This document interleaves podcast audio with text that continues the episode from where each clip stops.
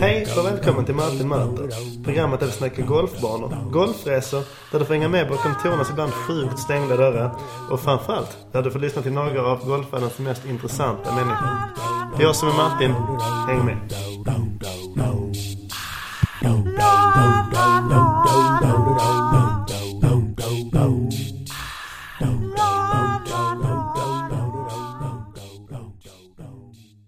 Namn? Peter Svalin kallas Svalle. Är 58 år, är kund och marknadschef på Malmö Burlöv Golfklubb. Handikapp? Jag har 4,2 skyhögt idag. Favoritbana? Eh, Det är Karsten Creek i Stillwater, Oklahoma. Där Oklahoma State har sin hemvist. Senast vi talades vid var ungefär ett år sedan. Och då hade du precis gjort en av de kanske galnaste resorna jag har hört talas om. Eh, Kan du berätta lite kort om den? Ja, jo den var ju den var lite speciell kan man lugnt säga. Eh, Jag hade fått en resa från Qatar Airways och eh, till slut kom jag fram till ett läge att jag inte riktigt visste om jag kunde åka med eller hur länge jag kunde vara borta. Och då fick jag den galna idén av att kanske åka till Nya Zeeland på en weekendresa och spela en runda golf och tillbaka. Så sagt och gjort. Eh, flög ut en onsdag, det blev en onsdag lunch härifrån jobbet och kom tillbaka lördag morgon. Och då hade jag flugit ner till Auckland och spelat på Royal Auckland 18 hål. Landade på morgon, eh, tog taxi ut till banan, spelade 18 hål, tog en liten refreshment på balkongen. Taxi tillbaks till flygplatsen, ombord på samma flygplan, hem igen. Mm. Det... var det värt det då? Att sitta i plan Ja. så länge? Ja det är det. Jag älskar att flyga. Mm. Så att, och sen eh, hade de ju bokat med en bra klass också så att eh, på det viset blev ju resan lite lättare än att sitta längst bak i ett flygplan. Helt klart. Men det var 47 timmar på planet totalt sett. Men du, vi delar de här passionerna, både resa och golf. Mm. Om vi börjar med att resa. Vad är det som eh, gör det speciellt? Ja men det är ju att, eh, att uppleva nya platser, träffa nya människor och uppleva nya miljöer. Allt ifrån eh, alltså hur det ser ut i naturen och djurliv men just att träffa människan. Jag älskar ju mötet med människan. Mm. Och sen samtidigt att få uppleva matkulturer och lite annat sätt och höra hur människor tycker och tänker och resonerar ute i världen. För jag menar, Sverige är ett litet land. Eh, Vi har våran kultur med oss men övriga världen med vad är det, 7 miljarder människor snart Ja. tänker lite annorlunda och det är spännande de här mötena. Golfen då? Golfen. Hur, hur, hur, eh, hur växte den kärleken fram för dig? Eh, mamma och pappa skulle upp till Stjärnfors i Kopparberg 1974 på hösten och frågade om jag skulle åka med. Och jag sa aldrig i livet, gubbsport kan ni fetglömma. Det är streethockey som gäller. Men så kom det hem två klubbor under vintern. En till mamma, en till pappa. Och pappa sa så här, men herregud ta tag i klubban, känn på den. Och det var en järnfyra. Och jag tog tag i den här järnfyran och kände direkt att wow. Då stod jag ändå i hallen hemma i huset. och kände bara wow, det här är min grej. Jag kunde knappt vänta till året 1975. Och sen dess har jag varit såld i golfen. Det är, sysslat med mycket, mycket annat innan. Tennis, bandy, hockey, fotboll, allt det klassiska. Men golfen, direkt kärlek. Mm. Och det, det är en passion 25 timmar om dygnet faktiskt. För de som inte vet vem du är, eh, före detta landslagstränare i golf, Mm. eh, pojklandslaget eh, och numera jobbar du på Malmö Golfklubb som eh, kund och marknadschef. Stämmer? Kan du berätta lite om den här resan? Liksom, hur, hur kom du liksom in i landslagssvängen till en början? Ja, det är en bra fråga. Det undrar jag också ibland faktiskt. Nej, men det var så att jag, passionen för min sport gjorde att jag började spela mycket öppna elittävlingar som det hette på den tiden i Sverige. Eh, blev proffs 1986, spelade på den dåvarande svenska golftouren när den var i sin linda växte upp. Eh, och där träffade jag då Arne Andersson som då sen blev förbundskapten. Och ja, när man pratar mycket med folk och så knyter man an och knyter relationer. Så jag fick frågan hösten 89 om jag ville börja med landslaget som biträdande förbundskapten. Och då hade jag välja mellan att, att eh, stanna kvar på Vasatorp och satsa på att bli head gamekeeper kanske i framtiden. Men eh, det var ju bara att hoppa på golfen, det gick inte att säga nej till det. Nej. Och sen blev det landslag i 16 år med herrlandslaget och ja, massa olika grejer. Och tre år i Norge som landslagschef och sådana bitar. Måste ha många läckra minnen eh, ifrån alla de här resorna och, och med de här personerna som Ja. du har haft att göra med. Jag frågade dig in, inför vår podcast här nu så frågade jag liksom, vilka är de bästa spelarna du har haft? Och då blev det snarare så att du fick räkna upp dem du inte hade haft för du Ja. hade haft så många stjärnor liksom. Ja, jag har haft, jag har haft lyckan att, alltså det är så att som, som golfcoach så kan du påverka till viss del under en viss tid så att säga. Okej, jag hade Henrik, Henrik Stensson i två år. Men liksom att det lilla jag påverkade där i hans karriär, det var ju på den tiden. Så har ju massvis med andra människor påverkat också. Mm. Men jag har ju haft förmånen av att träffa allihopa så att säga på ett eller annat sätt. Mm. Och exempelvis Alex Norén hade jag inte landslaget för då var jag i Norge på den tiden. Men han känner jag jätteväl också. Ja. Och, eh, men som golfcoach är det precis som man sätter ner fingret i vattnet. Man skvalpar runt lite grann och så länge fingret finns där så skvalpar det. Mm. Och sen får någon annan ta över. Mm. Så att, eh, men visst finns det många minnen. Finns det någonting som de som har lyckats har gemensamt som du ser det? Ja, de har ett otroligt driv. Det finns ett jävla namn att hitta lösningar, att hitta möjligheter. Dyker upp en situation som inte är bra så gräver man inte ner sig utan man tittar vidare. Bara tittar på hur ska vi lösa det här? Kan vi göra på ett ännu bättre sätt? Eh, Det är inte så att de slår hårdare på spiken om jag uttrycker det på det här viset utan de hittar ett annat sätt att slå på spiken och hittar möjligheter och lyssnar, stora öron, Mm. tar till sig, förkastar och går vidare. Det är ett otroligt driv i de människorna. Finns det något sånt här ögonblick, eh, låt säga med Stensson eller någon annan du har haft, där du har insett att den här killen eller den här tjejen Mm. eh, har det? Alltså man, hur ska jag säga? Eh, jag upplever i alla fall från min värld, jag kan bara prata för mig själv nu, men att du kan se hela beteendet hos en människa. All- Allt ifrån hur de går upp på morgonen, hur de käkar sin frukost, hur de planerar, eh, vad de gör för någonting. Och även om vissa av de här som har ett otroligt driv har några riktiga jävla strulpellar, ursäkta uttrycket, som glömmer utrustning och glömmer grejer och väldigt osorterade. Men de har ett otroligt driv i det de brinner för. Ja. Och det, det märks jättetydligt på en människa, tycker jag i alla fall. Mm. Du, på tal om drivkraft så är ju en kille som har hyfsat driv Tiger Woods. Mm. Eh, det här är första podcasten jag spelar in sen han vann på Augusta National eh, 22 år efter hans första seger. Vad skulle du säga, vad betyder den där segern för, för idrottsvärlden? Och även du kan koka ner det här till på Malmö Golfklubb. Jag tror, jag tror det kan betyda väldigt mycket därför att eh, jag tror man kommer bara få prata mer om golf igen. Eh, Tiger är ju en karismatisk person på olika sätt och med tanke på vad han har gått igenom i sitt liv och de rubriker som har skapats eh, som de flesta i världen faktiskt vet även om man är golfare eller inte golfare. Så tror jag vi dras till personer som skapar rubriker, skapar energi och skapar förhoppningar och så vidare. Så att jag tror han kan betyda rätt så mycket för golfen. Eh, jag märker på klubben, de som är riktigt nednördiga som golfare, de pratar väldigt mycket om Tiger och hur han gick tillväga. Och för gemene man, ja man har lite grann att prata om kanske vid fikabordet och ja, i de här bitarna. Jag, jag tror vi behöver människor vi kan liksom drömma och se upp till och det, oavsett om det är bad guys eller vad det är för någonting så behövs de här typen av människor inom idrotten på olika sätt för det engagerar människor Mm. och det tror jag är det viktigaste. När du tittade på det här i söndags, eller för några Mm. veckor sedan. Ja. ehm, skulle du säga att den fysiska biten eller den mentala comebacken är mest imponerande? Jag tror, jag tror en kombination. Alltså det är ju trots allt... Han, han, han är ju inte purunga längre, killen. Han är bara på lite äldre som vi övriga. Men han har ju otroligt bra fysik. Men eh, jag tror den mentala biten att kunna stå emot och alla de här förhoppningarna och förväntningarna som skapas eh, runt omkring honom. Men att han själv hanterar sig själv i det här läget. När han vet att han kan skriva historia och ändå behåller ett lugn under... Ja, det är fyra dagars spel. Det är i princip 20 timmar under en vecka som måste fungera. Och det räcker ju på Augusta, det vet vi alla som har sett en sändning några gånger. Det räcker att du eh, tappar fokus i 20 minuter så är man ju helrökt. Ja. Så att nej, det är en kombination. Det är, det är verkligen imponerande. Vi måste ju toucha lite på Augusta också för det är på något sätt ja, Alltså det, det är väldigt, väldigt speciellt och, och det är väldigt mångas favoritbana och favorittävling och allting. Vad, vad tycker du att det är som gör Augusta National till vad det är? Myten, Mm.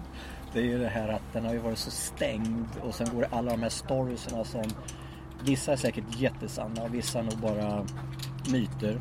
Eh, men liksom att det har varit så stängt, har varit stängt för så, det är så få människor som har fått vara där. Mm. Och när då en svensk kom dit första gången och fick spela banan med något företag och kommer hem och berättar liksom, då blir alla jättehypade. För det är ju det är nästan som ett, förbjudet område att komma in i. Men eh, sen har de ju som perfektionism på anläggningen. Eh, med hur man klipper, hur man hanterar och jag sköter banan i sig för det är otroligt vackert. Jag har ju varit där två gånger, dels bara på måndagen Men är det 30-40 000 på, en, på måndagen och knappt en spelare på banan. Det ger en speciell inramning faktiskt. För det är en sjukt vacker bana. Du nämnde i faktabiten här i början att du har en favoritbana i Oklahoma. Mm. Eh, Berätta lite hur du, liksom, hur hittade du den och, och vad är det som gör den eh, unik? Det är, ju, det är ju Carsten Creek i Stillwater, Oklahoma. Där Oklahoma State har sin hemvist. Eh, Leif Westerberg började på Oklahoma State 1993 och då började jag resa då med landslaget över till USA för att eh, se vad vi kan, hur man kan med hjälp av universiteten stötta svenska landslagsspelare och så vidare. Och man byggde den banan på den tiden och eh, sen har jag varit där rätt många gånger, spelat den rätt många gånger också. Och den banan är en bana som, den ser sjukt lätt ut från tid. Mm. Eh, Den är ju sjukt lång visserligen men eh, när man står där och upptäcker man kommer på fairway att hoppsan nu var jag på fel sida fairway. Mm. Jag kan inte komma åt pinnen en gång utan då får vi spela safe mitt på green och så kommer jag mitt på green och tycker hej och hå, det här gick ju bra. Och tänker att den här 7 metern den kan jag treputta hur lätt som helst, även som elitspelare. Ja. Och då har jag haft Charles Howell och Ricky Fowler, allihopa de här spelarna jag gått där uppe. Och det är inte ofta de har skjutit under 70 på den banan, därför den är så krävande i tänket, i strategin och allting. Skulle du säga att det är den huvudsakliga faktorn till att de producerar så många duktiga spelare där? Att banan är så tuff? Ja, både ja och nej faktiskt. Därför att eh, Oklahoma State hade ett otroligt bra, eh, alltså många vinster när man spelade på Stillwater Country Club som är en busenkel bana. Mm. Men eh, jag tror miljön i eh, hur man tänker, mindset i stan och hela de här bitarna och coach Mike Holder. Plus att Oklahoma State har ju dragit till sig sen slutet på 60 början på 70-talet många av de bästa spelarna från start som har ett otroligt driv i sig. Så att, eh, och det här visar, det är en kombination av allting, självklart. Ja. Mike Holder, berätta lite om honom. Och legenden, han är en riktig legend. Han är, jag tror han var rankad sexa bland alla collegecoacher i USA oavsett idrott. Mm. Han var golfcoach från 1972-73. Eh, Är nu athletic director i stan och han är ju, ja, han är ju legendar där uppe. Han är ju kung, det är han som styr. Mm. Han fick eh, en stor finansman som heter Bone Pickens att eh, i princip nu med facit i hand lägga upp någonstans mellan 250 till 300 miljoner på att bygga om idrottsanläggningarna. Allt utom golfbanan för den var ju färdig redan. Mm. Men bygga om basketen och fotbollsarenan, alltihopa. Så nu har de ju det bästa av bästa. Ja. Är han, alltså jag minns när jag gick själv på college. Då var det fysträning 05.30 på morgonen. Vilket ju inte var poppis hos alla. Eh, men men han, min coach där, han tyckte ju att eh, 05.30 och, och träna när fienden sover och den här biten. Att det gav en eh, mental toughness, kallar han det. Håller du med där? Och, och, och kör han eh, lite samma sak i Oklahoma? Eller hur, vilken typ av tänk har han? Han Det kan man säga, Mike Holder är ju en, det är en tuffing i grund och botten. Och det var han som egentligen startade upp eh, det här tänket med att träna på morgonen eh, och gå upp tidigt. Därför att när du går upp tidigt på morgonen så blir du trött. Du måste växla tillstånd, det blir en tuffhet i dig. Eh, Du lär dig att klara av det på ett helt annat sätt än att ligga och sova fram till nio, halv tio och tro att världen är kvar. Det är den ju inte riktigt, Nej. fast den är. Men det, det skapar en tuffhet, en mental tuffhet och det måste du till i alla idrotter oavsett att eh, när det är som tröttast och jävligast fysiskt då börjar kroppen på att reagera mentalt sett på samma sätt som när du är riktigt nervös på första tid. Då kommer ju väldigt många liknande processer igång i skallen och då är frågan om hur kan jag hantera de här? Mm. Så att, men det passar ju inte alla. Vi är alla olika, vi är alla unika som människor så att bara säga att alla ska göra det Nej, det är inget framgångsrecept men eh, jag tror att för de flesta är det bra att göra sådana saker till en viss gräns i alla fall. Ja. Sen måste man hitta sin egen väg, självklart. Vi sitter här på Malmö Golfklubb där du har jobbat sedan Mm. hur länge? Det är sedan augusti 2017. Ja. Och eh, det, det händer ju massor. Det kör banarbetare fram och tillbaka och det är folk som rusar ut på tee och liksom berätta lite vad är senaste nytt här i, som på Sveriges kanske mest stadsnära golfklubb? Ja, vi ligger fyra kilometer från Malmö central och vi har ju stadsbussar och allting som går ut så vi ligger väldigt, väldigt centralt. Och vi hade ju en skolklass som var här precis och ska ut med en av våra tränare för att prova på golf. Eh, vi har många medlemmar som är ute i olika gäng och ska spela. Eh, så det dagliga golfspelet är ju igång så det, ja, det är riktigt bra fart. Mm. Sen håller vi på med en del andra projekt. Att, eh, på vår kortloppsbana har vi satt fotbollsgolfshål ihop med frisbee-ställning i Mm. samma kombinerat. Eh, tror jag finns på ett ställe till i Sverige. Eh, och vi ska bygga om på ranchen rätt mycket med ett juniorhängrum. Eh, där junior kan komma ut och bara hänga, bara vara. Vill de Mm. spela Playstation eller kasta basketkorg eller skjuta mot ett hockeymål på en slideplatta eller bara, bara finnas på klubben. Det är det viktigaste. Så att det händer väldigt mycket här ute. Ja, du säger att det är viktigt med de här runt omkring grejerna. Mm. Eh, varför är det så? Ja, Jag tror så här att, att eh, alla vill inte bara spela golf 24 Mm. timmar om dygnet. Alltså du och jag, vi är ju nördar. Vi skulle kunna stå här ute hur länge som helst. Men Mm.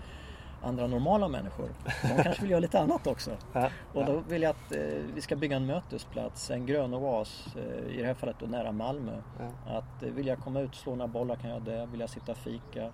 Är jag yngre jag kunna hänga här ute och bara vara. Känna ingen press på att jag måste bli elitspelare i golf. Utan vill jag spela, gör jag det. Vill jag sitta inne i juniorhängrummet sen när vi har byggt det så kan jag göra det också. En samlingsplats, en mötesplats där människor kan få mötas helt enkelt. Det går ju emot den här trenden, eh, en trend som jag tycker varit lite tråkig med att eh, folk kör till golfbanan, Mm. tar på sig golfskorna på parkeringen, springer ut i ettans tee, Mm. spelar klart, tillbaka till parkeringen och hem. Att man inte hänger, det blir som inget klubbliv. Det är, det är väldigt få klubbar idag som har ett klubbliv. Eh, är det någonting som ni försöker bygga med detta? Ja, både och. Man kan väl säga så här, det är ingen, det är ingen uttalad målsättning i sig. Men det blir ju så med tanke på att jag vill skapa den här mötesplatsen. Mm. Att människor kan komma hit oavsett om du spelar golf eller inte. Här är ju som vi såg tidigare, kommer pappa med sån här och löper förbi med ja, någon byggd barnvagn, jag vet inte riktigt vad han kallas för. Men ute och kör på motionsspåren här ute. Vi har folk som kommer med sina hundar och går ut och går en sväng och folk som bara går ut och sätter sig vid dammarna. Att den här mötesplatsen, att vill jag spela golf så gör jag det. Vill jag sitta och hänga och ha ett klubbliv så kan jag få det också. Och jag tror ändå att de som vill konsumera golf och byta om på parkeringsplatsen, ja de ska få rätt att göra det också. Mm. Men vi ska skapa möjligheter. Att vi ska kunna tillgodose så många som möjligt. Och här är, tycker jag det är lätt att göra det med tanke på hur det ser ut runt omkring oss. Mm. Att med väldigt få medel så kan vi skapa de här olika oaserna och öarna och rummen så att säga på anläggningen där man kan få komma på plats. Så att säga. Veckan efter eh, Masters så stannade jag kvar och spelade golf i Florida. Eh, men golfresan där den började faktiskt på Champions Retreat som ligger precis vid Augusta. Och där hade de gjort en sån här grej att de hade satt upp eh, belysning på driving rangen eh, och sen så riggade de upp ett partytält och där hade man eh, öppen bar för medlemmarna. Och det var häng liksom långt ut på, på småtimmarna där. Jag kan Mm. tycka att man eh, borde försöka kopiera den idén lite i Sverige så att man får den här liksom, ja, det trevliga hänget Mm. runt omkring. Och det känns ju som att ni är på väg lite ditåt. Vi Ni har också väg. belysning här på driving rangen faktiskt. Ja, ja det har vi. Och liksom det är dit vi vill komma, att, att kunna göra lite andra aktiviteter också. Ja. Att vi vill göra en klubbafton, en klubbkväll, kanske med lite rolig golf i mörkret och med lite självlysande bollar eller som du säger, upp med tält. Eh, Jag har lite planer på att någon kväll i veckan dra igång lite musik där ute. Mm. Nu får man ju se till så att, liksom att det passar alla så man inte står bort en massa människor också. Va? Ja. Eh, Men visst, det ska, vara, det ska vara lite mer liv. Det tycker jag. För att eh, det kommer upp nya generationer människor som konsumerar golf, om vi uttrycker det så. Eller konsumerar sin fritid på ett helt annat sätt. Mm. Och som inte är så nördiga att man är fast på en och samma klubb. Utan man vill spela golf, man vill komma ut med kompisarna, man vill skratta, ta en fika efteråt och så åker man hem igen och gör någonting annat. Ja. Och det måste vi se till att vi hänger med i samtiden. Det är jätteviktigt. På tal om det här med samtiden. Hur, hur mycket kvinnliga medlemmar har ni? Det har ju varit ett problem ganska Mm. länge och, och inom golfvärlden att det är mycket mer män än kvinnor. Gör ni någon satsning där för att få in fler kvinnor? Eh, Både ja och nej. Vi ligger strax över 30-31 procent. Så att eh, det är nästa steg också att försöka på olika sätt attrahera Mm. mer tjejer att börja spela golf. Och då kan man säga att allt det vi gör nu runt omkring är ett sätt också att eh, bredda upp att det finns mer möjligheter på klubben, att vara på klubben. Så att det inte var som det var förr bara, för då har det varit väldigt kanske inriktat mot, eh, ska säga, vad den manliga delen av klubbens medlemmar har tyckt och tänkt och vill ha omklädningsrum ska se ut. Så att, visst, vi tänker ju de banorna. Mm. Och vi ska ju in i, eh, vi har precis påbörjat F50-50-projektet med, eh, med Sverige, eh, Svenska Golfförbundet. Förlåt. Mm. Eh, Så det är ett genustänk vi ska gå igenom där också. Så självklart, så att alltihopa det, det hänger ihop Ja. på olika sätt. Mitt nästa stopp efter Champions Retreat där var ju TPC Sawgrass. eh, Med det klassiska Ja. 17 hålet. Ja, det var en fantastisk upplevelse. Brutalt svår bana. Och sen så... Ja, det var ju episkt att komma till det här 17 hålet och slå. Det var bisarrt svårt för att blåste rakt in i vinden för mig. Men har du varit där? Har du spelat den banan? Eh, Jag har inte spelat den, men jag var där med eh, på en college-tävling som var på grannbanan, Sawgrass Country Club. Och då bussade de över college-lagen över att just spela 16, 17, 18. Och när vi stod på 17 så fick jag chansen att slå ett slag på 17, för jag har inte spelat banan. Hur var det? Det, det, var, det, var, det var mäktigt. Jag tror jag slog en järnia mitt i green. Och när jag stod där på green, och då var jag tvungen att springa därifrån för det kom ju bollar bakom. Eh, Så stod jag och tittade ner mot söndagsplaceringen. Mm, Lång höger. Ja, och tänkte direkt så att jag är rätt vass i puttning. Mm. Jag tänkte att om nu green lite trögare än på tävling, jag kan lätt putta den här i vattnet. Mm. Alltså det är på den digniteten, man ser ju inte det på TV. Men jag stod där mitt på och tänkte, herregud, jag kan ju putta den här i vattnet, busenkelt. Då förstår man hur duktiga de här spelarna är. Och när Henrik skjuter 66 på den banan, ja, han är ju världsspelare så att säga världsklass det är ett understatement men Mm. eh, ja, de är sjukt skickliga. Mm. Hur gick det med din boll? Ja, jag har sett den på green. Ja, jag, det var ju typ 130 meter där och rakt in i vinden. Och jag slog ett hyfsat slag men den ställde sig lite i vinden. Så jag stod där med hjärtat i halsgropen och bara höll alla tummar jag kunde hålla för att bollen skulle nå hela vägen fram. Och den, den stannade typ en meter in på green. Ja. Eh, och därifrån kunde jag tvåputta göra med ett par så, jag, så kunde jag sova gott sen. Ja, det eh. Men det är läckert där. Alltså, Pete Dye som har ritat banan, han har gjort det, måste vara medvetet så att man ser, man skymtar i 17 hålet så många gånger under rundans gång. Så ehm, ja, man går ju bara och väntar på det där slaget. By- Bygger upp spänningen Ja, hela vägen. Och sen kommer klimaxet när man står där. ja. Och, och 18 det är ingen eh, lätt sak det heller. Nej, överlever du 17 så har du ju 18 kvar. Du ska Ja. hem upp till klubbhuset i alla fall. Ja. Men som du sa där, eh, alltså när Henrik går på 66 slag, så det är ofattbart Ja. bra. Det är magiskt.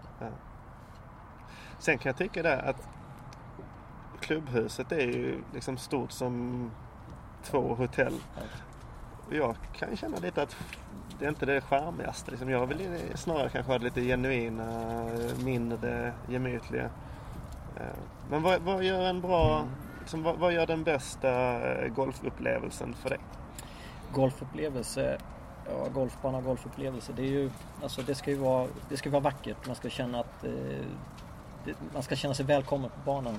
Och det behöver inte vara att människor säger hej och hå, hej och välkommen. Utan bara med att jag känner att jag, naturen, Mm. omgivningarna är mysiga och fina.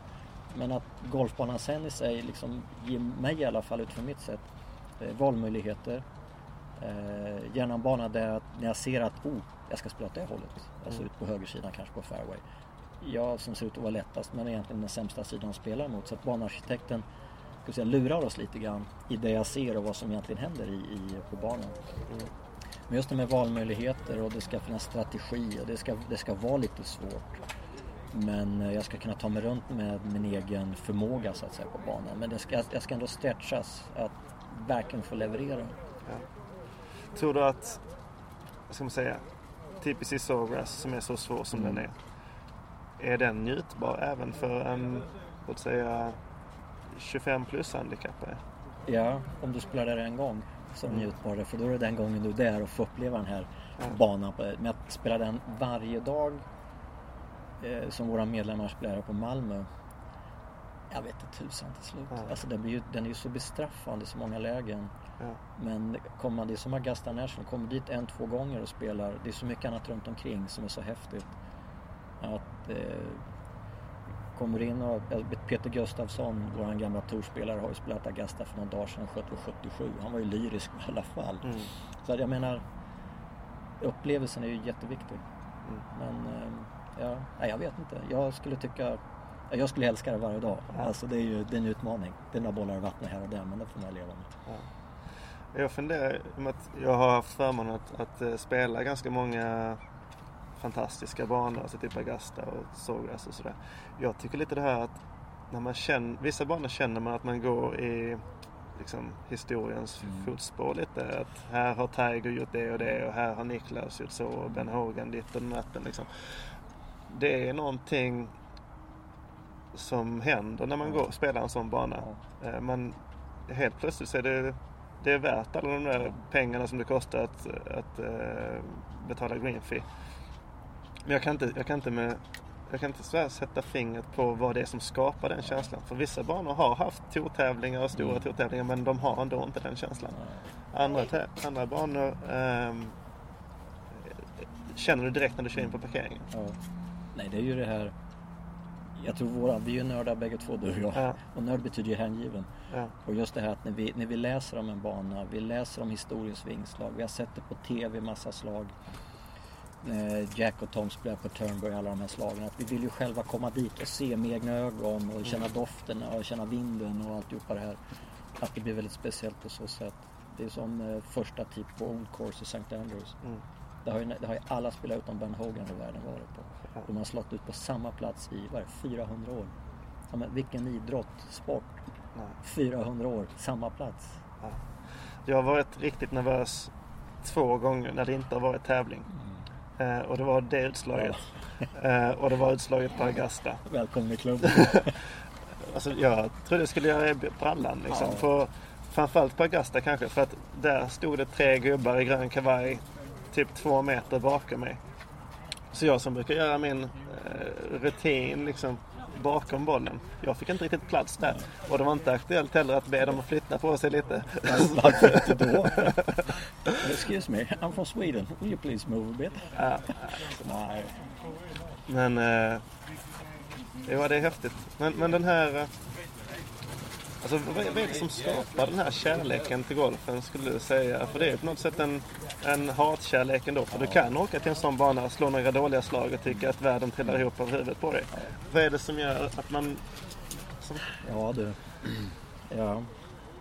Det, det, är en, ja, det är en komplex fråga. Alltså det är ju, vi kan gå och spela jättedåligt. Det är klassiska 17 hål och sen slår en bra drive på 18 det och sen säger man hej och hå, när ska vi spela nästa gång? ja, Men det är väl någonting i den här förnekelsen av att jag är inte så dålig som jag kanske egentligen är. Jag tror ju att jag är bättre. Och rätt som jag så slår jag de här fantastiska slagen. Mm. Och jag tror just i golf, både du och jag kan ju gå ut faktiskt under 10-12 minuter och spela bättre än vad Tiger gör och bättre än vad Henrik gör. mm, Men det är ju mer slumpen att det gör så. De övriga 99% av våran tid liksom är vi betydligt sämre. Men just där och då, ett 100 meters lopp, även om vi är busnabba i startbocken, vi är inte i närheten att ta dem i alla fall. Men i golf kan vi faktiskt i vissa lägen. Och vi slår här perfekta järnfemma på par tre hål, ser bollen flyga högt, den hänger, lite drå i den. Slår ner på green, hugger till och rullar upp till två ifrån. Alltså det, den veckan är ju hemma. ja. Men samtidigt så kan man slå en halvsocket på nästa. Men det, jag vet inte riktigt. Jag hade en sån upplevelse häromdagen. Spela H22-serie. Första tävlingen på ganska länge. Var jätteångest på första tee. Men fick ut den i fairway. Mm. Hur som helst, bollen ställde sig lite i vinden på andra slaget. Jag går därifrån med trippel till slut efter att ha missat en två decimeters putt. Nästa hål eh, håller jag på att slå bort bollen och trean blev det out. Mm. Liksom. Sex över efter, två, eh, efter tre hål. Mm. Och eh, det känns ju som att eh, jag bara vill hem och gå och lägga mig typ. Sen så sista nio pillar in en långputt och går två under par de sista och slutar fyra. Och från att allting kändes som att det var ett helvete. Så helt plötsligt sista nio så studsar varenda liten studs ett. Och då så skriker man ut sin glädje i bilen på vägen Ja. hem. Men de här tvära kasten. Alltså det, det, jag har hållit på med många idrotter men det, jag hittar liksom ingenting där man känslomässigt har en sån berg och dalbana som man har i golf. Alltså. Det, det är väl för att många gånger, det, det, ser, så, det ser ju så lätt ut. Mm. Och så står man och tänker efteråt, vad hände? Ja. Ja men den ska ju inte flyga ditåt. Nej. Och allting kändes så bra hela vägen. Och någon annat tillfälle känns det inte alls bra i vare sig träff eller någonting annat. Men den hamnade där den skulle i alla fall. Mm. Och så står man med ett frågetecken och funderar på vad, vad var det som skedde egentligen? Det är ju... Eh, nej, golf har ju varit mitt liv sedan jag var 14 egentligen. Och det jag har liksom funderat på att gjort någonting annat i livet. Men eh, även om man inte spelar lika mycket nu så finns ju kärleken till spelet Ja. hela tiden. Och det är drivkraften att försöka slå den här, du kallar för perfekta slaget, vad det nu är för något. Eller om golf går ut på att få bollen i hål på så få antal slag som möjligt. Så kanske det är den låga scoren man vill komma åt. Mm. Men det är den här helhetskänslan. Sen kommer ju det här med... Jag har ju alltid levt ihop med massvis med nördar inom golfen. Och liksom hängivna tillsammans. Vi triggar ju varandra på olika sätt. Finns det någon tidpunkt där du funderar på att du måste sluta med det här för att det tar liksom för mycket av ditt liv? Nej, alltså nej, jag, jag har jobbat med golf hela mitt liv på olika sätt. Eh, landslag och med klubb, klubb och klubbchef och alltihopa. Alltså min yrkesroll har jag funderat många gånger på om jag ska byta yrkesroll men jag kan liksom inte tänka mig någonting annat som inte handlar om golf. Nej. Utan så fort jag då funderat på att byta bana då har jag tittat på någonting annat inom golfen. Ja. För att jag vill inte släppa det här. Det är ju världens vackraste arbetsplats. Ja. Det är ju 110 hektar vad vi har här ute. ja, det är härligt. Mm. Jag tänkte vi skulle runda av lite med att eh, snacka Arnold Palmer. Det var mitt, Wow. mitt sista stopp på min Florida-resa som också innehöll Innisbrook, Mm. fantastisk bana och, och Streamsong eh, med allt vad den har att erbjuda. Så blev det i alla fall Bay Hill som var sista stoppet vilket var himla kul för min del för att det var där jag började min eh, journalistiska karriär. Okej.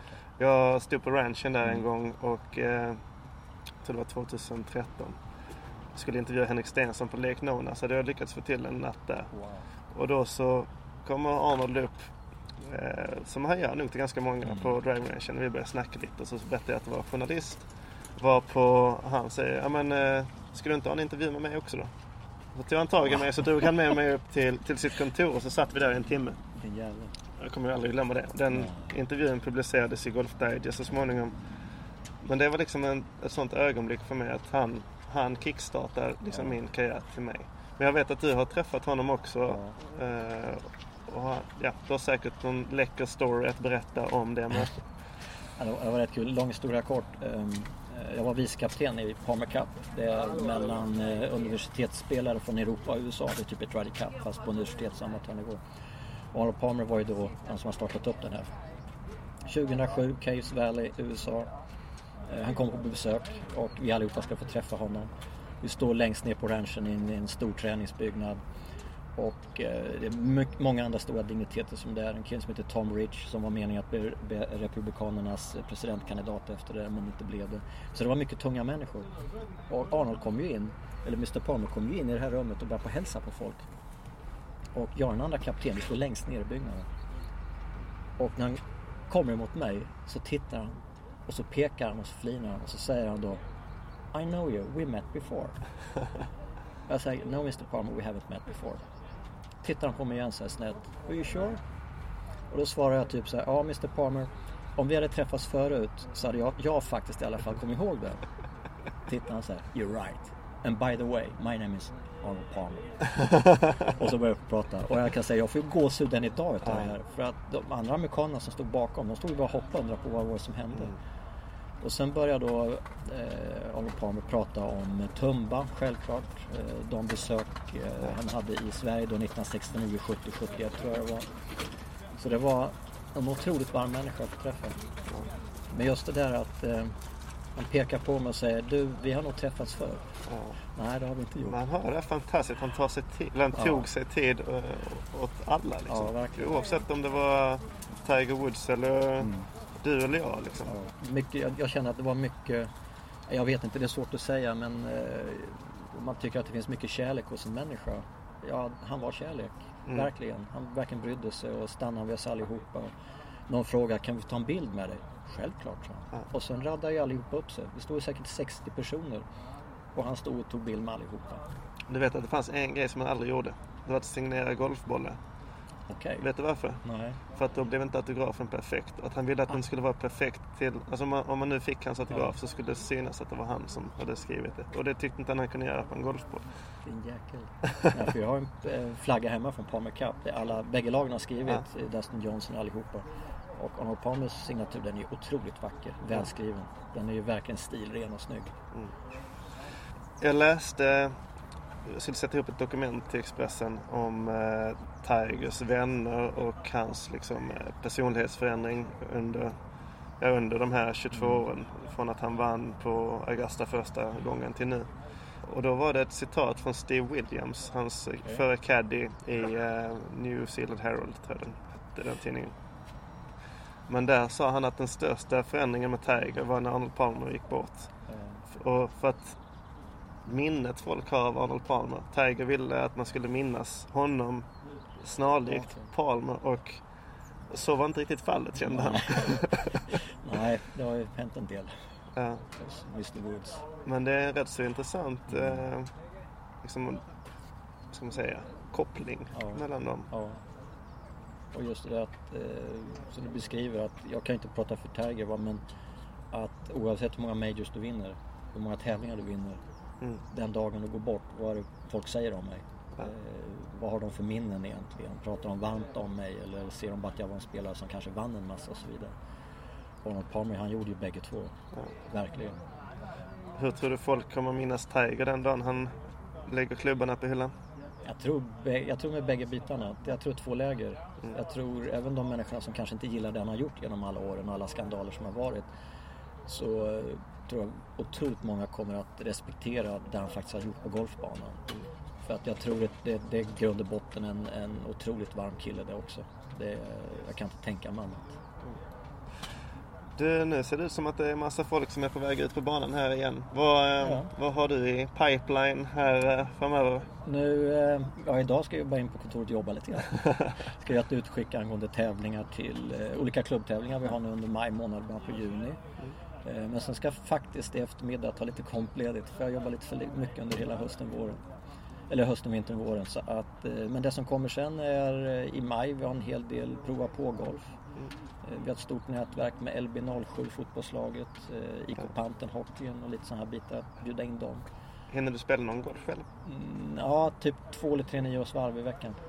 Och inte fiska? Nej, och ibland går jag ut med min äldste son och då tar vi med min bag bara ut. Ja. Och så spelar vi någon konstig form av foursome. foursome. Vi slår varannat slag och ibland slår jag två och så går vi bara och pratar. Och det blir liksom rätt skön tid med pappa och son på det viset ute på golfbanan. Så att, eh, men som jag alltid har sagt, jag ska träna. Jag ska spela foursome KM i slutet på maj så att eh, vi får se hur formen sitter. Men du får ett stort lycka till då. Tack så mycket. Och tack för att du var med. Tack. Tack själv.